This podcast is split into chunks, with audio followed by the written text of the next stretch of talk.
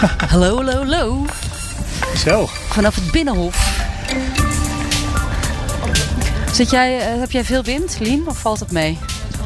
Maar ik vind het wel koud. Jij zit wel aan zee Ja. hier, hè? Ja. Pak bij Scheveningen. We zitten weer op het Binnenhof. Dit is Nieuwsroom Den Haag van vrijdag 27 eh, augustus is het nog, hè? Is het al 27 augustus? Ja, Ja. nog net geen 31. Ja, Nog net niet 31. tragische precies. dag.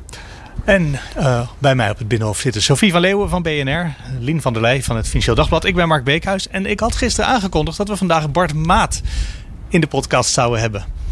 Maar die heeft op het allerlaatste fotograaf. ogenblik heeft hij moeten afmelden. Dus ik hoop dat hij volgende week eh, misschien alsnog kan. Of de week daarna. Want dat is wel echt een, eh, een fotograaf, ANP-fotograaf... waar we heel graag een keer in deze podcast mee willen praten, denk ik. Ja, hij heeft het toegezegd. En ehm, ja, waarom wilde we hem nou spreken? Omdat hij zeer geïrriteerd is, een beetje boos over de geslotenheid van deze formatie. Dat hij al bijna vijf maanden niet binnen mag komen in het kantoor van Mariette Hamer. Om ja, gewoon te zien, hè, de lichaamstaal van Rutte, Kaag, Wopke Hoekstra, et cetera. En we zien helemaal niks. Het is gesloten. Nou ja, we zien natuurlijk mensen tussen de hekken die hier midden op het plein staan... eh, naar binnen lopen en dan weer naar buiten lopen. Toch? dat is wat we zien. Het is toch en hij anders. heeft eh, Ploemen en Klaver weten te verrassen bij het fietsenhok. Toen ze een beetje impromptu weg wilden fietsen. Ja. Eh, Maar dat soort momenten heb je nodig om te zien dat die twee inderdaad samen optrekken. En dat het dan, want ze moesten heel hard lachen op die foto. Dus het was, ze werden betrapt, maar het was wel oké. ja, het was er wel oké. Ja, en dat Ja. zie je dan. Dat kunnen we niet zien aan de kant van eh, Rutte. En Wopke Hoekstra en eh, de Nee, rest. ik zag een hele mooie foto. Ik zag hem stuntelen. Eh, Hij zoekt altijd de meest eh, ja, bizarre perspectieven. Hij hing uit het raam boven het kantoor van eh, Mariette Hamer op Binnenhof 2. Met die camera recht naar beneden te wachten tot, ik denk, Rutte daar naar buiten zou lopen. Dan zie je Ja. een heel groot plein. ehm, met een heel klein poppetje Rutte. Je ziet vooral, eentje, en- want ik heb die foto gezien die daarvan geworden is, eh, die daarvan gekomen is. Je ziet vooral ook het prachtige patroon van al die, ste- die steentjes die hier liggen. En dan zo één man eenzaam tussen die hekken, ja, die dan naar binnen loopt. Dit is eh, een mooie foto was dat. Nou, daar hadden we het over moeten hebben, over die foto. Maar ja, Volgende week, hoop Ja. ik. Precies. Ik doe nu geen beloftes meer. Nee, dat moet- Maar, maar, ja, we met gaan wie gewoon gaat deze uitnodigen. eenzame man regeren? En ja, Ach, hoe, eh, hoe levensbedreigend die stunts van hem zijn ook, die hij steeds uithaalt om die foto dan maar te kunnen maken. hij hing uit een raam, denk ik, of niet? Hij hing uit het raam Uit hier. het raam, ja, precies, ja. Wij hebben ook een foto, uit. een eh, formatiefoto door de benen van iemand anders, eh, van een toeschouwer eh, ge- genomen. Wat ook eh, best grappig Oh, de was. cowboy shoot. Ja. Ja. Die zag ik Kaag, denk ik, door de benen van een een of andere politieagent of zo. Nou, precies. Eh, dat betekent dat er inmiddels wel weer wat eh, levendigheid is hier op het eh, plein. Trouwens, er zit een hele schoolklas nu ook bij de fontein. Maar Nou, de formatie ligt nu even stil, hè? ja, dat is fascinerend. Dat van de week de fascinatie die niet bewoog, is stilgezet. Dat het nog kon, Lien. Ja, Toch? dat, eh, We dachten dat de week heel anders zou lopen. Ja, ik hoor Eigenlijk. jullie net zeggen. eh, aan het begin van deze week, eind vorige week, dachten we nog. Deze week komt er een rapport van mevrouw Hamer. En dan komt er natuurlijk weer een debat. Eh, kortom, dan is er iets wat gaande is in de formatie. Maar dat is niet zo. Ja, het, Ja, het- en de vraag was ook of tot wij- een doorbraak. ja en, en de vraag was ook of wij die, eh, die aanzet tot een opzet nou ei- uiteindelijk eens zelf eh, konden lezen of zien.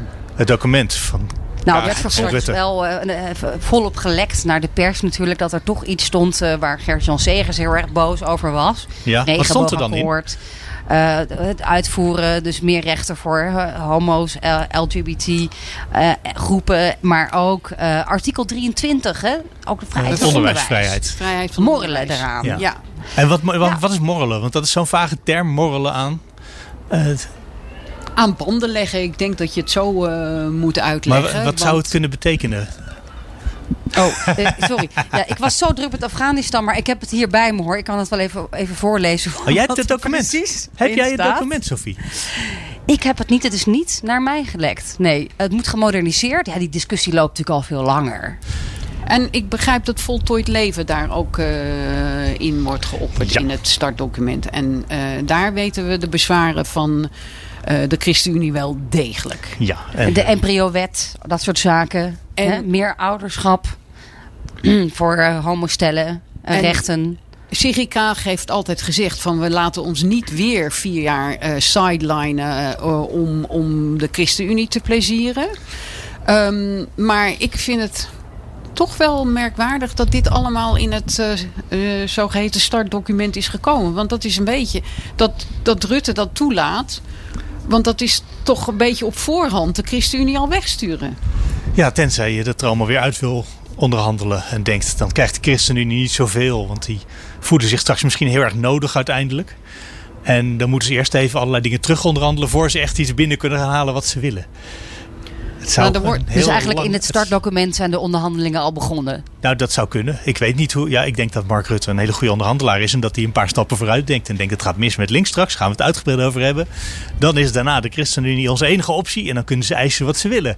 Dus laten we vast eens wat dingen in het plan schrijven. waar ze vanaf moeten. Eh, de bouwstenen waarmee geschoven kun- kunnen worden. Ja, dat- dat is ook al ja. begonnen. Hè? De Hamer schreef volgens mij eh, ja, deze week, halverwege deze week, een brief aan de voorzitter Vera Bergkamp. De bouwstenen eh, zijn er aan het bewegen of we zijn de bouwstenen aan het verbouwen of iets dergelijks. Vorige week hoorde ik Mark Rutte zeggen: het is pas af als het af is.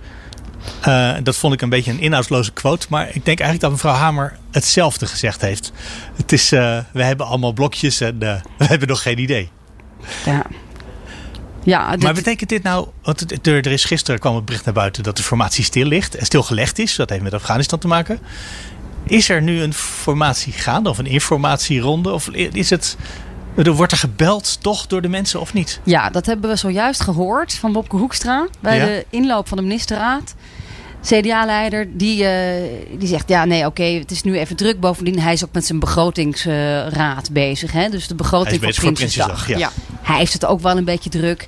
Eh de lichtstil Kaag heeft absoluut geen tijd, denk ik, tot 31 augustus voor de formatie. Ehm, maar er wordt gesproken. Op de achtergrond gaat het gewoon door. Wij zien het niet hier.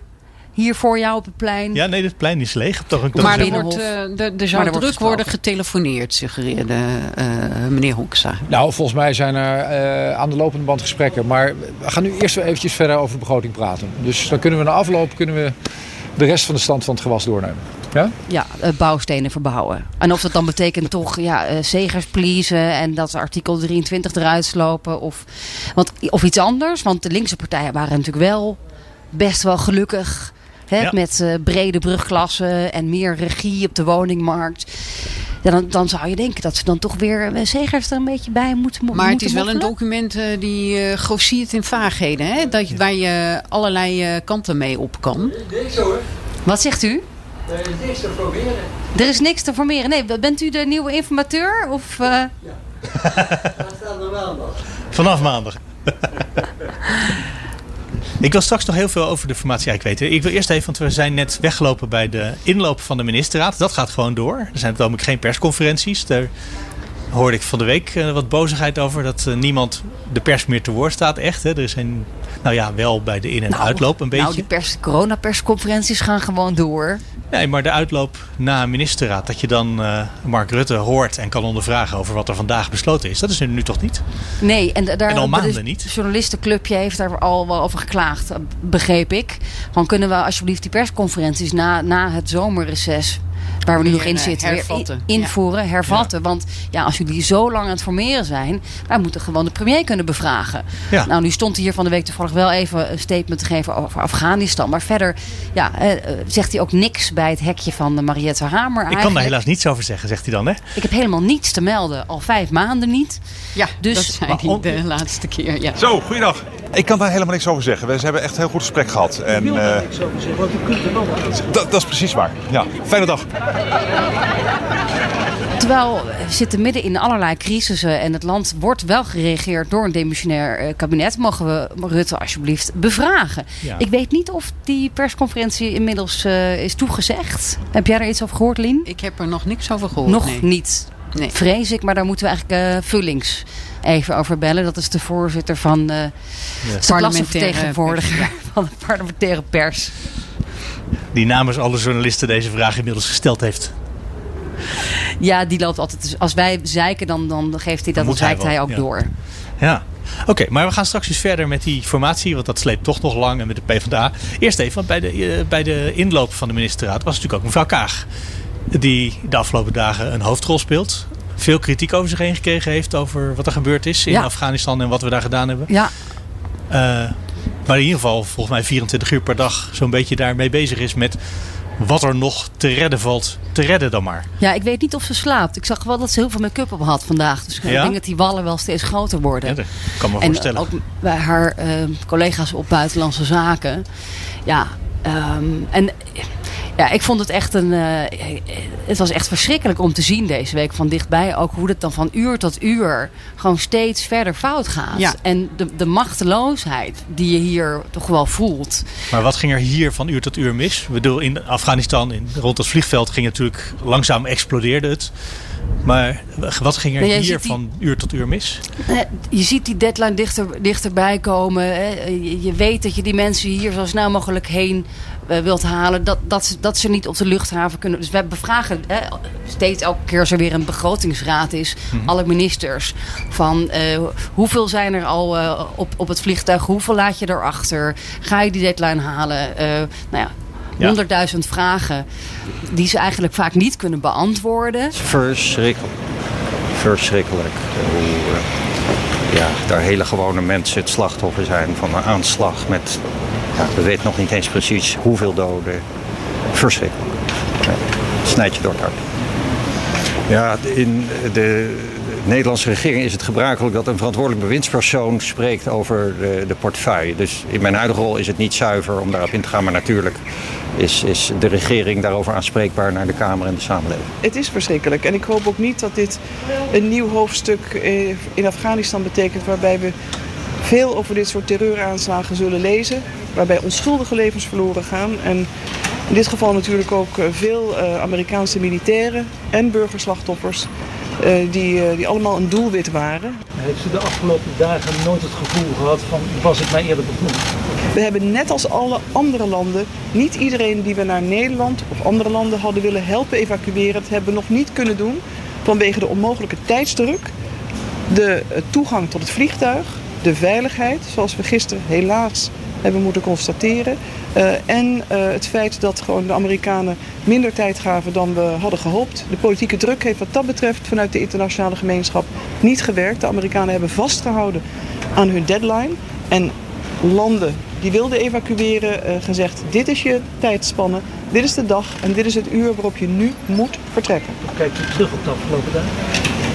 Ik kijk niet terug. Ik eh, ben aan het plannen eh, om eh, verder te gaan, om ervoor te zorgen dat we op alle manieren mensen naar Nederland kunnen halen of met bondgenoten kunnen optrekken. Ik denk dat we een, een hele goede evaluatie sowieso gaan uitvoeren. Maar op dit moment, weet u, iedereen die wij achterlaten, dat voelt verschrikkelijk. die apart nog in veiligheid gebracht. Het is voor elk land zo, ook Nederland, dat de mensen die daar zijn, moeten zelf een, veilig onderkomen zoeken. Eh, en wij zijn in continu contact via hun contactpersonen of direct om te kijken en vervolgcontact te leggen. Dat is het consulaire team. Maar er komt een einde aan de crisisoperatie in deze fase. Het consulaire team zet, de, zet het werk voort eh, via contact, opvolging. En natuurlijk op dit moment, deze fase, is eh, politiek heel belangrijk. Dat we gaan kijken met andere landen wat we kunnen doen, op welke manier, met wie en wat dat vraagt eh, in termen van politieke opvolging. Ik ga nu naar binnen. Dank u wel. Ja, nee, want eerst was de hoop ook dat uh, Amerikanen wat langer zouden blijven. Hè? Ja, waar ja, die hoop die op hoop gebaseerd is. Ja, nou dat lijkt mij inderdaad een inschattingsfout in Nederland. Want daar heeft meneer Biden nog nooit aanleiding toe gegeven te- dat je zou kunnen denken dat hij langer zou willen blijven. De- nou, ik, daar hoorde ik wel een beetje diplomatieke kritiek zojuist van Kaag. Die zegt, we zijn, hè, we zijn de Amerikanen heel erg dankbaar dat ze dit allemaal mogelijk hebben gemaakt. Maar toch. Eh, maar daarna zei ze ja, dat het zo snel zou gaan. En hier hebben jullie een slot. Dat was gisteren wat ze hoorden. Een tijdslot. En dan vliegen jullie weg. Dat was gewoon rond het begin van de avond. Ja. Hè, voor het ambassadepersoneel en, en de, de, de Nederlandse militairen. En that's it. Dat heeft haar wel overvallen. Ehm, Net zo goed als het begin van de hele operatie, die bovendien sneller was. Want je zei net al 31 augustus. De bedoeling was oorspronkelijk om op 11 september weg te gaan. Dat was al een paar weken, eh, bijna eer- twee weken Begin naar voren deze week getrokken. dachten wij nog, nou, eh, de deadline is volgende week dinsdag. Dus we Ja. hebben nog even, kunnen wij nog even doorbabbelen Maar over de formatie. Allemaal eenzijdig vanuit Amerika is dat versneld. Toen werd dat 27 augustus, hè, toen werd dat gisteravond. Toen was er die Dat is vandaag. Die, ah, ja, ik ben ook helemaal de tijd bij. Toen was er dus de, plots ja, die dreiging die natuurlijk ook al dagen aanwezig was, maar die van uur tot uur groter werd. En waar gisteren ook Bijleveld, de minister van Defensie, konden daar niets over zeggen. Maar terwijl wij aan het praten waren, en, die poorten stonden vol met, met, duizenden mensen voor die luchthaven. Die poorten gingen dicht. En vervolgens, ja, die aanslag. We wisten, dat die, we wisten dat die ging komen. Dat het een kwestie van een paar uur was voordat de boel zou exploderen. Nou, het is heel akelig voor iedereen hè, dat we moeten vaststellen dat de veiligheidssituatie nu zo is. Dat er ook terreurdreiging is om het vliegveld. Dat we moeten stoppen met evacueren. Dat we geen mensen meer binnen kunnen halen op het, eh, op het vliegveld. Ehm, en dat de mensen die we hebben binnengehaald, dat we die nu eh, snel gaan evacueren naar eh, Pakistan en naar Nederland. Dat is nu van het grootste belang. dat we de mensen die in gevaar zijn, en dat zijn dus onder andere tolken en andere categorieën, dat we die het land uitkrijgen, dat we die kunnen evacueren. En daar is op dit moment iedereen die maar mee kan en die inderdaad dat vliegveld weet te bereiken en toegelaten wordt door het vliegveld, nemen we mee. En misschien ook wel Nederlandse Afghanen voor die deur, die, die poorten die waren dichtgeslagen, stonden te wachten. En ze konden helemaal niets doen. Daar heb jij nu ook naar, naar gevraagd, hè? of er Nederlanders zijn eh, onder de slachtoffers. We hebben op dit moment geen indicatie eh, dat er Nederlanders, eh, Nederlandse slachtoffers te betreuren zijn. Maar dat zou ik niet durven uit te sluiten vanwege de chaos en het feit dat veel mensen eh, alleen misschien op pad zijn gegaan. Van wie de familie misschien niet eens weet of wist dat ze bij de luchthaven waren. Dus dat durf ik niet uit te sluiten. Ze zegt, ik kan dat niet uitsluiten. Zojuist bij de, bij de, bij de ministerraad. Ik, ik heb geen enkel zicht op wie daar in welk ziekenhuis ligt, liggen gewond. Nee, logisch, want we zijn daar niet meer. Of zijn we daar nog wel? Hebben we nog een ambassade? We zijn daar niet meer. Nee. Maar ik begreep dat onze ambassade officieel gezien niet gesloten is. Nee, maar ik denk dat, de Dat ambassadeur waarschijnlijk, maar dat is ook niet helemaal duidelijk, in Islamabad zit. Dus die zijn Ah, ja. naar een buurland vertrokken. Om vanuit daar dan nog zoveel mogelijk hulp te bieden. Net als we eens één transportvliegtuig dat ze achterlaten in de regio, zo'n C-130. Eh, voor het geval dat we misschien toch nog mensen ergens kunnen ophalen. Ehm, of mocht die luchthaven dan alsnog open gaan. Maar inmiddels zijn meerdere aanslagen al, alweer aangekondigd. Althans, de dreiging daarvan. Misschien dat er nog special forces ergens rondlopen. We weten het niet. Nee, dat moeten we misschien op dit ogenblik ook niet weten. Maar het onvermogen eh, en de chaos. Ik vond het echt ontluisterend om dat zo te zien. Hier ook op het Binnenhof. En ja, laat staan in Kabul. Ja. En ja, best wel beangstigend eigenlijk. En, en helemaal niets kunnen doen. Rutte ook gisteren in dat statement in de hal van de Algemene Zaken. Van ja, weet je, het is, het is gewoon, nou, dat zei hij niet, maar het is gewoon pech. Iedereen die we achterlaten. In ieder geval is nu wel zeker dat er absoluut nog een, een behoorlijk aantal Nederlanders met gezinnen eh, is achtergebleven. Eh, en dat geldt ook, uiteraard ook voor, voor Duitsland, eh, voor Frankrijk, voor Engeland, maar ook de andere Europese landen. Er wordt er al met man en macht aan gewerkt om te zorgen dat ook nadat we daar weg zijn, alles aan kunnen doen om eh, landgenoten eh, en hun families, maar ook anderen eh, die wij eh, willen meenemen, eh, die we hier naartoe willen halen, eh, dat we dat kunnen doen. Ik las in mijn Twitter-timeline dat mevrouw Kaag boos was dat meneer Rutte zijn persmomentje eindelijk had genomen in deze Afghanistan-crisis. Zou dat waar kunnen zijn? Ja, ik vond dat persoonlijk een beetje raar. Want eh, de- inmiddels had de Belgische premier al een, eh, ook al een Ja, persconferentie ik- gegeven. eerder was de klacht steeds dat eh, Mark Rutte niet zichtbaar was. Ja, ik had zoiets van, eindelijk bemoeit hij zich daarmee. Eindelijk maakt hij er chefzaggen van. Ja. Want dit lijkt me nog, we zitten in een gigantische crisis... waar we zelf eigenlijk ook mede voor verantwoordelijk zijn. Hè, na twintig jaar Afghanistan. Eh, dan mag je als premier toch wel eerder van je laten horen. Ik vond het rijkelijk laat. Ja, of Kaag Ja. er dan boos over is. We hebben natuurlijk dat, eh, dat hele lelijke debat. Ik vind lelijk een moeilijk woord. Het is een beetje een modewoord. Maar vorige week gehad. Over, eh, nou, met dus mevrouw Kaag en mevrouw Broekers-Knol en Bijleveld. Ik kan me voorstellen dat daarna Mark Rutte dacht... nou, daar wil ik even niet mee geassocieerd worden. Ik blijf er even buiten beeld. Misschien heeft dat een rol gespeeld. Uh, maar en, oh ja, het kabinet sprak niet met één mond. Nee. Je hebt natuurlijk ook nog partijpolitiek toch wel. Hè? De, de, de asiellijn van de VVD is niet die van D66.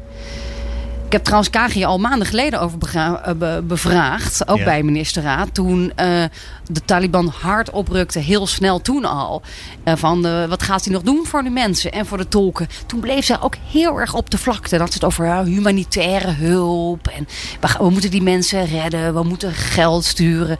Maar ook toen was Kaag niet heel hard bezig, in mijn herinnering. Met anticiperen op de machtsovername van de Taliban. Dus uh, nou ja, misschien is daar ruzie over geweest achter de schermen. Kan je dat als minister van Buitenlandse Zaken? Kan je dan tegen de mensen die gaan over uh, de Immigratie- en Naturalisatiedienst of die bij Defensie werken, kan je die als minister van Buitenlandse Zaken een opdracht geven en zeggen: Ik wil graag een lijst van al jullie medewerkers. Kom maar door. Nou ja, of is dat iets wat bij Defensie echt gedaan moet worden? Wat ik hoor, de kritiek in de Tweede Kamer, uh, uh, ook, ook bij de VVD trouwens, uh, gaat toch meer richting Defensie. Ja. De bal dan richting buitenlandse zaken. Dat Defensie echt zijn zaken niet op orde had. En dan met name ook die lijsten hè, van ja. al, alle personeel. Ook mensen gewoon onder contract die gewerkt hebben. Uh, voor Nederland in Er was van de week een hoorzitting over uh, onder andere deze vraag. En daar hoorde ik, daar was ik echt verbaasd over, dat er in Brussel wel een lijst ligt met alle Nederlandse medewerkers. Uh, maar dat je die als NGO niet kan krijgen om te kijken of je mensen kan benaderen. Wat natuurlijk ook enigszins schokkend is. Ja. Maar dus, als je dus vraagt, ik wil graag een lijst. Defensie heeft misschien die lijst zelf niet, dat zou jammer zijn. Maar die ligt dus kennelijk gewoon ergens in een kantoortje in Brussel. Ja, en iemand heeft hier dus kijkt net zo verbaasd als ik tijdens het horen van die zinnen. Iemand moet de regie pakken dan. Dat heeft ja. Kaag blijkbaar ook niet gedaan. Of haar kunnen niet kunnen doorduwen misschien. kennelijk. Of niet willen, dat kan ook nog. Maar, um, dus dat is ontzettend lelijk wat er is gebeurd. Ja. En uh, ook in de hoorzitting uh, werd ook geroepen... Hè, falend overheidsbeleid. Echt ja. gefaald. Uh, Nederland heeft gefaald. Dus te laat. En ook een, een emotionele... Um, Bette Dam, hè, onderzoeksjournalist, uh, inmiddels promovendus. Het is hetzelfde als een huis zelf in de brand steken. En dan vragen of de bewoners alsjeblieft binnen willen blijven. We laten niemand achter. Dat is het motto bij Defensie. Wat heeft dit kabinet daar ongelooflijk in gefaald? En de gevolgen zal ze daarvan moeten dragen. Maar de effecten die dat voor mensen heeft, zijn niet te overzien en onverteerbaar. En ik hoop dat ook dat deze Tweede Kamer heel snel tot een evaluatie komt.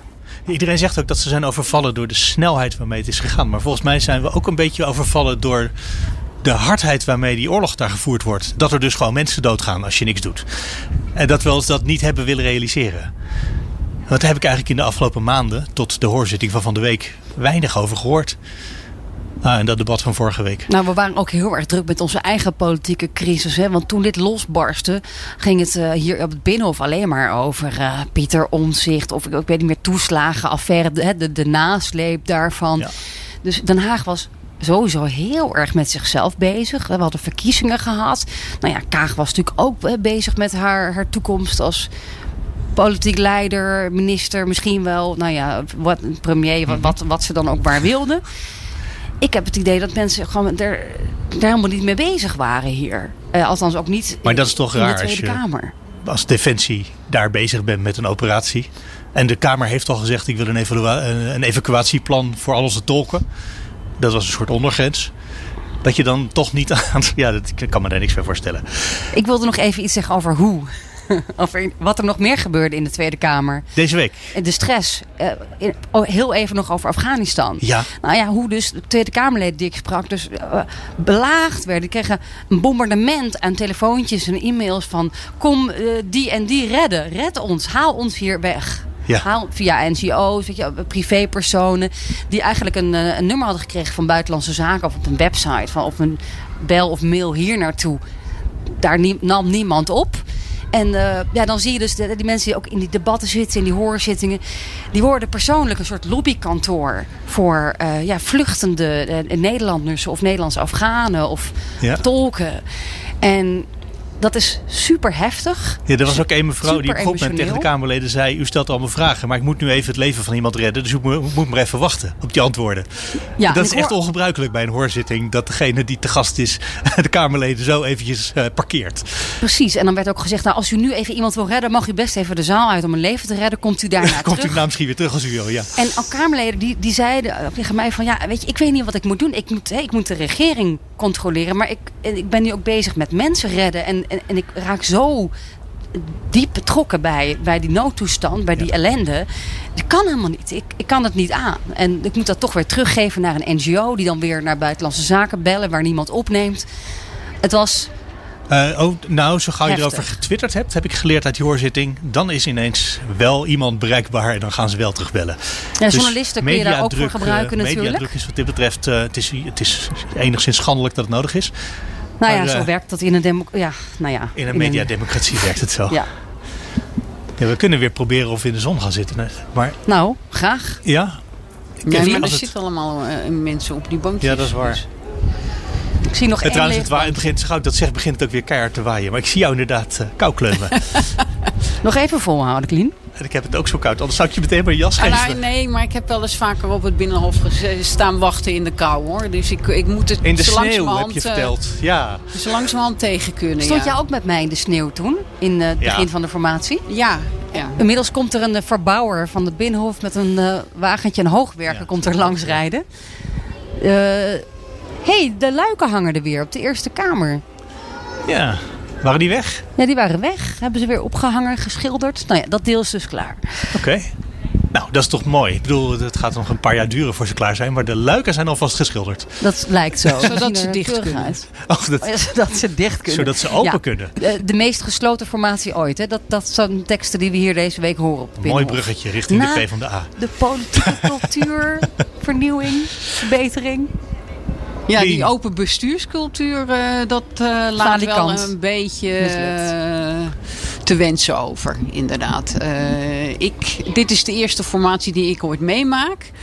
Maar ik heb niet het idee dat ik eh, rijkelijk word bediend met informatie, nee. Sterker nog, het is achter de schermen. Het document wordt gelekt naar, eh, naar, naar NRC dan in dit geval. de pers, Ja. NRC.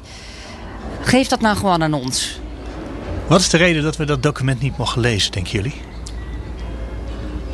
Nou, in eerste instantie mochten de ehm, pratende partijleiders hem ook niet lezen. Ze werden voorgelicht. Want ik, ik, vroeg, ik vroeg ook van, krijgen jullie, jullie worden nu uitgenodigd om, dat, om, om kennis te nemen van dat startdocument. Krijgt u in eerste instantie eh, ook leestijd?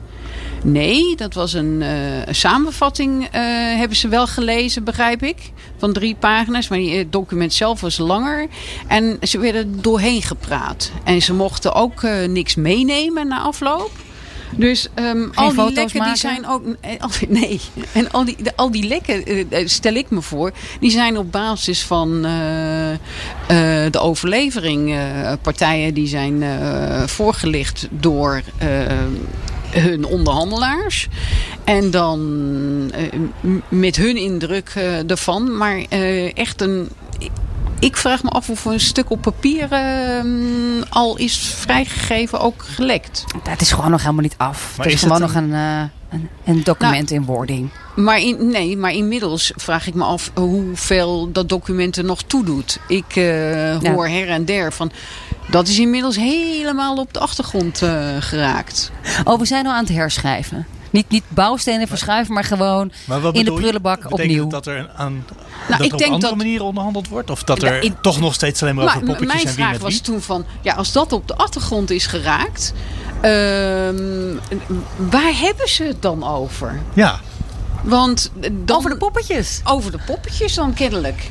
Maar dan, maar dat is hetzelfde onder. Maar dat Maar- is, dat maar is toch niet je- over de inhoud? Maar als je het over de poppetjes hebt. Drie uur, vier uur zitten ze soms wel binnen. En denk van. nou, op een gegeven moment moeten die, moeten die standpunten toch eh, bekend zijn. Ze moet toch iets hebben vastgesteld van dit gaat niet werken, dit gaat wel. Wil je echt niet met Zegers, wil je echt niet met GroenLinks en de PvdA? Nou, dat is misschien vastgesteld, maar dan probeert Hamer natuurlijk toch nog een geitenpaadje te vinden eh, tot. Zij gaat, zij gaat niet opgeven, Mariette Hamer. Maar een journalist moet meer, min of meer een wiggelroede hebben momenteel. Want dan, dan ga je kijken van... Oh, nu komt uh, Hoekstra nog een keer langs. Oh, en dan zie ik dat Segers uh, is gisteren geweest, maar wordt nu nog een keer gevraagd. En hij kijkt opgewekt, of juist niet. En uh, ja, dan is het een, een, een Waar zou dat over kunnen gaan? Ja, en, en dan is het een, een stuk body language en, en, en een stuk... Ja, maar jullie hebben toch ook wel zo her en der wat voelsprieten in partijen en zo. Dus daar zal toch klopt, wel. Uh, klopt. Dat dan misschien de onderhandelaars hier zelf niks zeggen. Maar uit de tweede of derde hand moet er toch wel iets te reproduceren nou, zijn. Lien zit heel goed wel in de Partij van de Arbeid. Nou, toch, uh, dat valt of eigenlijk al heel, uh, heel, erg tegen hoor. Ja? Nou, stond wel een nee, groot stuk maar, van jou vanmorgen in de krant. Nee, nee je, je, je gaat natuurlijk zoveel mogelijk in mijn geval nu rondbellen. Want Um, de PVDA-burelen, ik weet niet waar ze komen nog. Dus je, je, hangt een beetje rondje en, en, je, en je doet wat telefoontjes. En, en wie, wie, wie wil, wil dan opnemen? Maar ik... ik um... Je hebt een paar uh, aanstaande mogelijke voorzitters gesproken, toch? Van de ja, partij. Dat, dat, dat gaat nu meer over wat er uh, zaterdag uh, gaat gebeuren, inderdaad. Het congres Natuur, van de PvdA. Het congres van, het P, van de PvdA en de bijpraatsessie van uh, GroenLinks. Vorige week vrijdag. Ja. Het, het, het voelt al veel langer geleden, maar toen renden we naar Den Haag Centraal. Want daar uh, waren GroenLinks en uh, de PVDA aan het overleggen over hoe nu verder. En hoe ze hun samenwerkingsverband meer uh, body zouden kunnen geven. Dag allemaal. Ja, kijk om je heen. We hebben grote opgaven in Nederland op te lossen. Ik denk niet dat iemand van ons hier nog een betaalbaar huis kan vinden. Um, nou, klimaatprobleem, overstromingen, branden. Het kabinet is nou, zeven maanden geleden afgetreden om de toeslagenaffaire, terecht. Vijf maanden geleden hebben we die verkiezingen gehad. En uh, nou ja, uh, wij vinden, er moet eindelijk eens een kabinet uh, komen. Want we moeten echt samen dit gaan oplossen in het land. Mensen niet langer laten wachten. Misschien moet jij even daar iets over ja, zeggen. Kijk, wij, ja. wij, hebben aangegeven bij de informateur waar wij toe bereid zijn.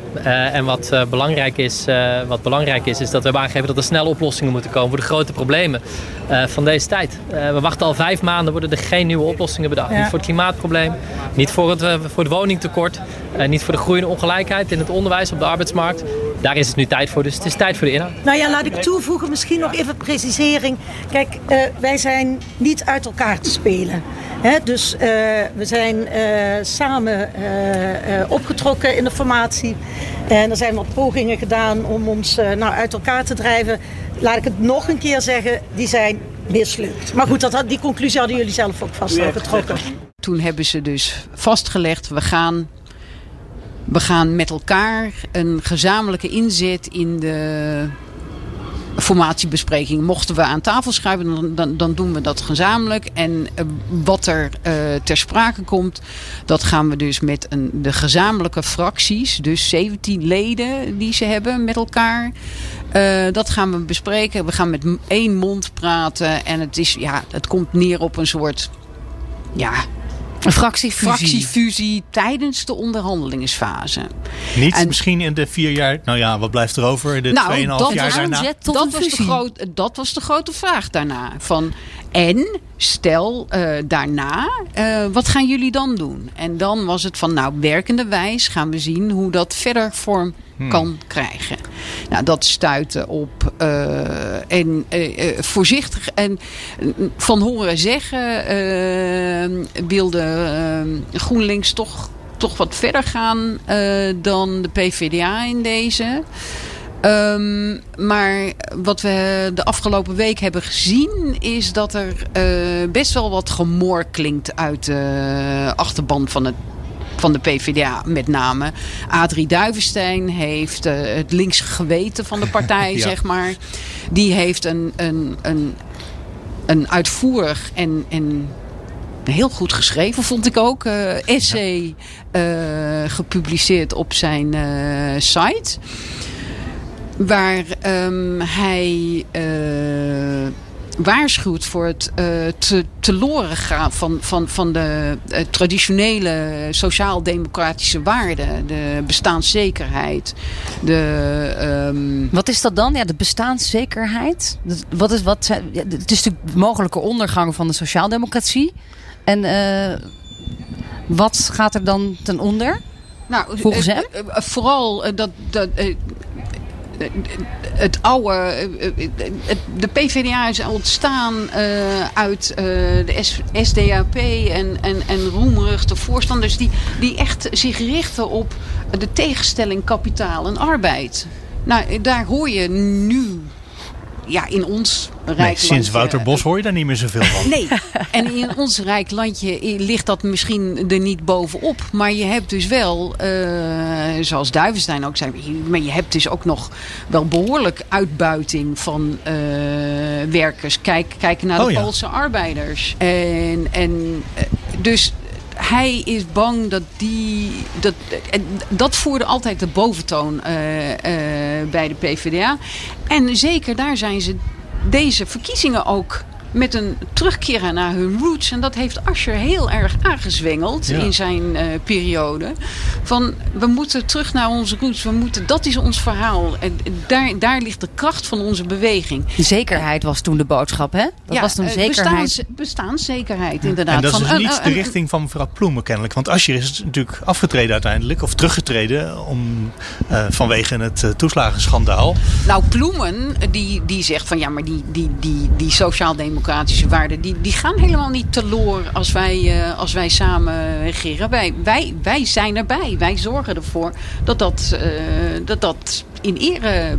Maar is, is eh, GroenLinks niet stiekem toch een beetje een linkse grachtengordelpartij? Denk je niet dat Nou, dat daar dat is een deel van de achterban wel bang voor. Maar eh, eh, Jesse die heeft dus ook in, aanloop... ja, Jesse Klaver heeft ook in aanloop naar de verkiezingen steeds gezegd van... wij zijn niet alleen groen, wij zijn ook links. Dus wij, wij Ja. hebben best wel oog voor hoe dat... eh, en, en, en- en, en we hebben volop oog voor hoe die klimaattransitie eh, de arme mensen niet mag eh, Ja.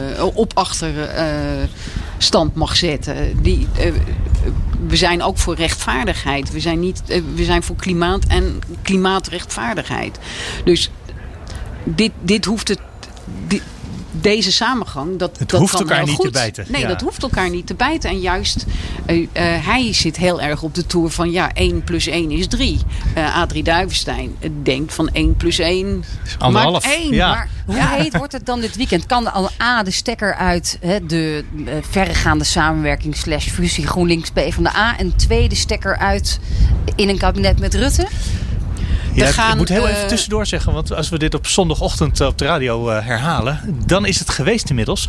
Maar er is dus op zaterdagmiddag, voor als je het op zaterdagochtend hoort op de radio, of op vrijdag al de podcast luistert, dan zitten we nog in de afwachting van een congres van de PvdA. Nou, we zijn nu eh, echt in blijde afwachting. En het is, het is best ook wel een beetje spannend, eh, vind ik. Bij de PvdA zelf. Bij de PvdA. Nou, dat komt wel goed over. Ehm, Nou, wat ligt er op tafel? Er ligt een motie om te zeggen, we gaan niet met de VVD samen, met, met Mark Rutte. Eh, we gaan eh, sowieso er liggen meerdere moties op, Ja. op tafel. Eh, maar het, gaat in, het draait in feite om twee dingen. En dat is, eh, eh, willen wij als PvdA überhaupt in een regering waar Rutte nog eh, aan de hoofd van de eh, VVD zit? Maakt dat Eh, enige kans?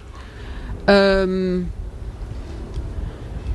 eerlijk gezegd denk ik niet. Maar je weet het niet, want het is, eh, de emoties lopen heel erg hoog op.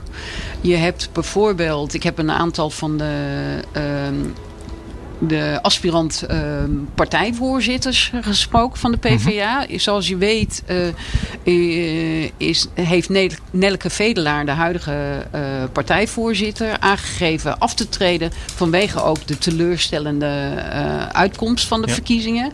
PvdA die had, heeft hun negen, zegels negen zetels behouden, maar ze waren vroeger veel groter en ze hadden gehoopt dat ze wat Dat meer iets gingen groeien. Ja, zouden precies. halen. Ja. En dat is niet gebeurd. Nee, maar het zou zelfs kunnen zijn dat een kwart van de achterban voor zo'n motie stemt en zegt we vinden de VVD wel oké, maar Mark Rutte moet weg. Want onze Lodewijk Asscher is ook geofferd voor het uh, toeslagenschandaal. Dat, dat en een, bijvoorbeeld... Zoiets, dat zou, maar als ja. een kwart of een derde van de partij dat al zegt, dan ga je toch anders de onderhandeling in, denk ik. Moet je er meer uitslepen? Ja, dan en... moet je een beter verhaal hebben als je terugkomt. Nou, qua, qua, qua democratische waarden zit het bij de PvdA wel goed. Want iedereen die lid is, mag stemmen. Die leden zijn best wel, dat zijn oudere leden. Hè? Zijn die niet een beetje conservatiever juist? En, en, en misschien gaat... bang om dus die sociaal-democratie naar graf te dragen?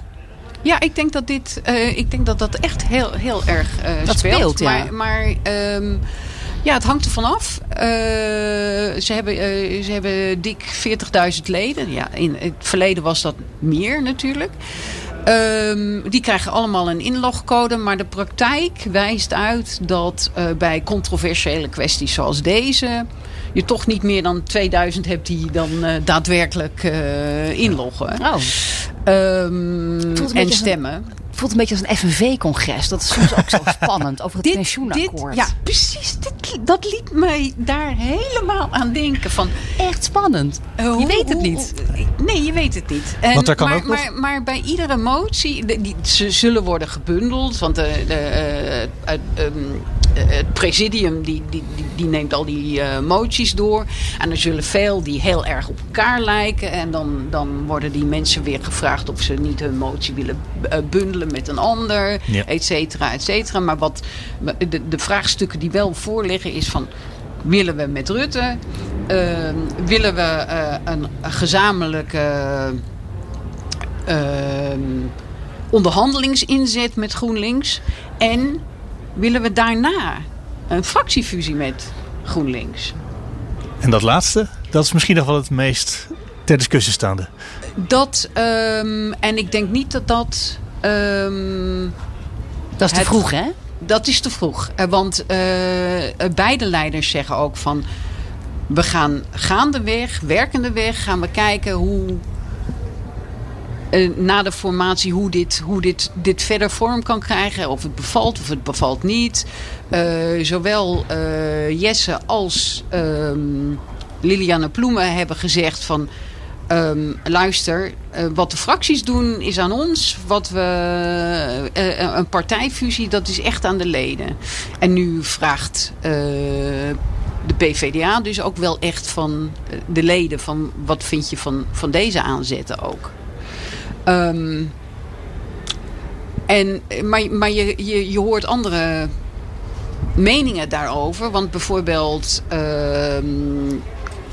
je kan zeggen van ja, maar als je een fractiefusie doorvoert, dat is wel echt een opzet al tot een partijfusie. Dat, dat, dat heeft dat consequenties misschien? Ja. ja, dan heeft het consequenties. Dus dit, ik, ik, ik um, vind het wel goed dat dat allemaal. Uh, ja, we zullen het zien. Hoe kan het dat ze dat bij, bij GroenLinks, dat ze daar eigenlijk niet zoveel probleem mee hebben? Omdat het een jongere partij is, zijn al niet zo heel lang geleden gefuseerd. Nou, dat is ook alweer 1990 of zo.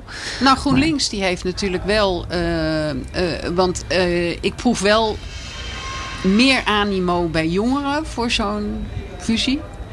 En GroenLinks is ook jonger natuurlijk. En um, daar is de afspraak van... Stel dat wij uh, uh, aan de formatietafel aanschuiven en daar komt dan een, uh, een, een document uit, een, een aanzet tot een regeerakkoord uit. Toch dan weer een aanzet, dat, hè? Dan, dan wordt dat weer uh, voor de GroenLinks-leden uh, voorgelegd ter instemming. Ja, want GroenLinks praat ook dit weekend, maar ik hoor eigenlijk een soort Brexit-kloof tussen, tussen de jongere GroenLinks aanhang of leden en dan nou, de oudere PvdA-leden. Die, ik die denk dat je het absoluut geen Brexit-kloof mag uh, noemen.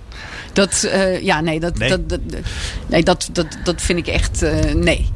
Dat, dat suggereert dat, dat de uh, sociaal-democratische, de mensen die bang zijn voor verwatering van hun sociaal-democratische principes, een soort Brexiteers zouden zijn. En dat, die suggestie werp ik verre van me. Maar er zitten natuurlijk wel twee heel verschillende ideeën achter. De dus ene zegt, we willen graag, we zijn, de links is klein geworden, we moeten weer groter worden door heel uh, goed geprofileerd te worden. Wat PvdA heeft geprobeerd in de afgelopen tijd, maar niet zo werkte. En eh, je hebt natuurlijk ook de gedachte, als je dat samen gaat, dan ben je sowieso al groter. Uh, dus dat zijn natuurlijk twee Dat- verschillende aanpakken om links weer wat groter te maken. Dat, dat is wel zo, want eh, en, en laten we wel zijn. We hebben het hier al veel langer over. En ehm, daaruit is gebleken. Kijk, eh, de- de- voor de Europese verkiezingen. Toen eh, was er zo weinig onderscheid tussen die twee partijprogramma's. Dat eh, de kieswijzer. Die wist het niet meer, nee. Die, die, die moest, wat, moest op stel en sprong nog wat ex- extra vragen bedenken. Want anders konden, konden ze er niet uitkomen. Dus ja, ze, ze liggen elkaar goed. En het verhaal is natuurlijk eh, inderdaad... Die, ehm, het accent ligt misschien net iets anders. Iets meer van klimaat bij GroenLinks. Ja, en allicht. iets, ja, En ja. de ex-directeur van eh, Greenpeace bij de PvdA inmiddels. Ja, Dus precies. Dat is toch ook al een dus- aanwijzing ja, dat ze samen moeten kunnen. Ja. Die volgens mij nog haast radicaler is dan de, de woordvoerder bij GroenLinks. Hoe laat is dat morgen allemaal op televisie? Want dat is natuurlijk op eh, NPO Politiek gewoon te zien, toch? Het Dat is, eh, congres. in Ik zou Zeist. het niet weten, maar Nee? ze, ze, overlap, ze overlappen niet. Maar het maakt het voor mij heel moeilijk om persoonlijk bij alle twee te te zijn. zijn, ja. Ja. Gaat natuurlijk Dus, naar de ehm, PvdA, denk ik nu. Want ehm, GroenLinks begint om half elf in Utrecht. En dat loopt tot 12 uur. Eh, Kan dat zo zijn? Ja, tot 12 uur dacht ik. En, en de PvdA is in Zeist van 12 tot 2. En dan, In twee uur gaan ze eventjes de toekomst van de partij bespreken. Dat vond ik ook heel weinig, eerlijk gezegd. Maar je kan zeggen van, ja, maar de, hoe de- serieus in, in, nou in echt feite, nemen? in feite, eh, er ligt maar één vraag voor, of twee vragen Twee, voor. met Rutte of met GroenLinks, maar, ja, hoe ehm, vast? Maar iedereen die, die krijgt dus wel ehm, de kans om hun motie toe te lichten en eh, vragen te beantwoorden.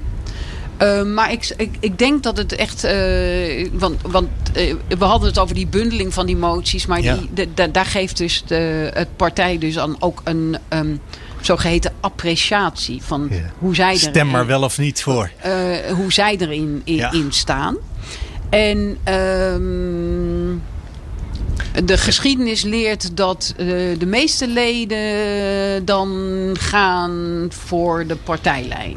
Dus Ja. dan, Bloemen eigenlijk dan, dus. En je Eh, zit ja. daar nog licht tussen? Wat eh, Ploemen wil en wat de partijvoorzitter of de partijbestuur wil? lijkt me niet, nee. Dat kan toch? Dat ze in de, Het dat ze in kunnen, de daar- fractie daar, anders heb- over denken. Die Nee. zijn, het zijn vaak onafhankelijke denkers, eh, Kamerleden. Nee, wat, wat ik opvang eh, van de fractie is dat zij eh Oh, de hele eens, is, eh, eh, zijn. Maar, die, Ja. geluiden, die geluiden heb ik ook al, eh, die hoor, hoor, hoor je al eh, langer. De, de- Ja. Ze nemen ook van elkaar de woord voor. Sinds, sinds de verkiezingen eh, doen ze steeds meer samen. En ehm, ik hoorde zelfs ook dat er eh, misschien al gezamenlijke fractiedagen worden gepland.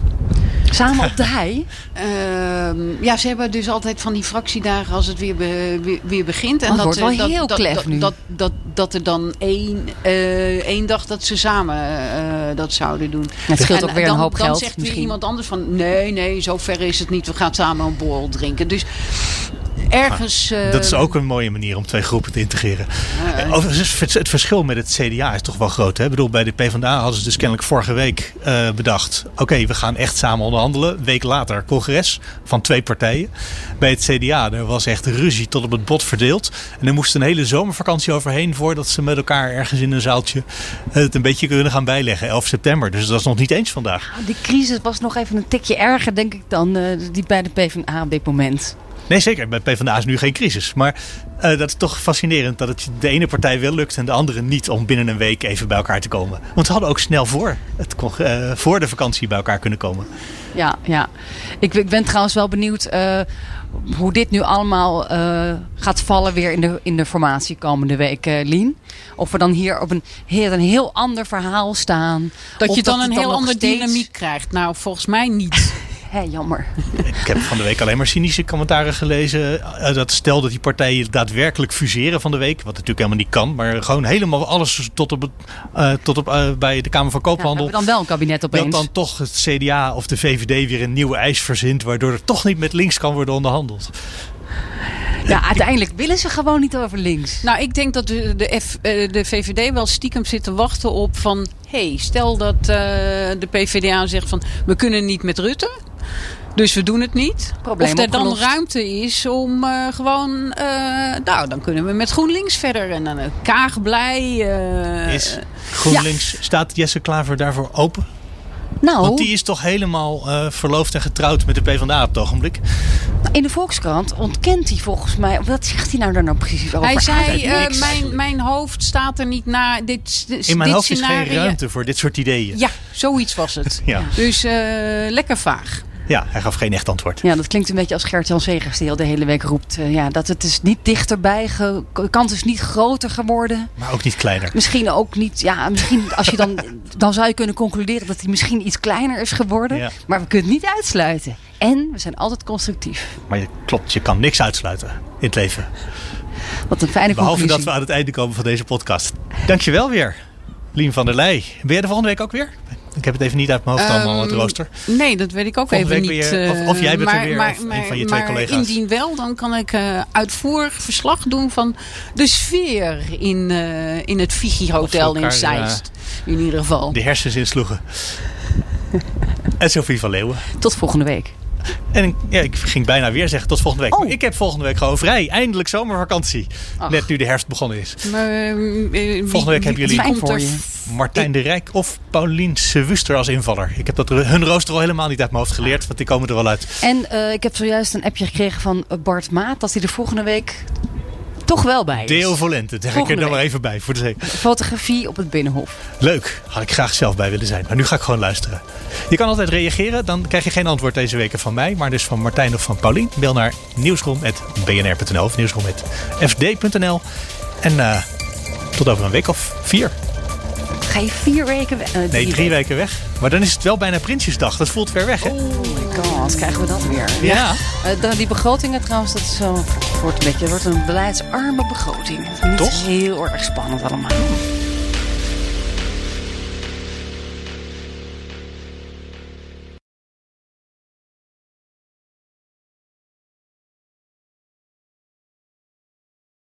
Ook Thomas van Zeil vind je in de BNR-app. Je kunt live naar mij luisteren in Zaken doen. De BNR-app met breaking news, het laatste zakelijke nieuws... en je vindt er alle BNR-podcasts, bijvoorbeeld Het Nieuwe Geld. Download nu de gratis BNR-app en blijf scherp.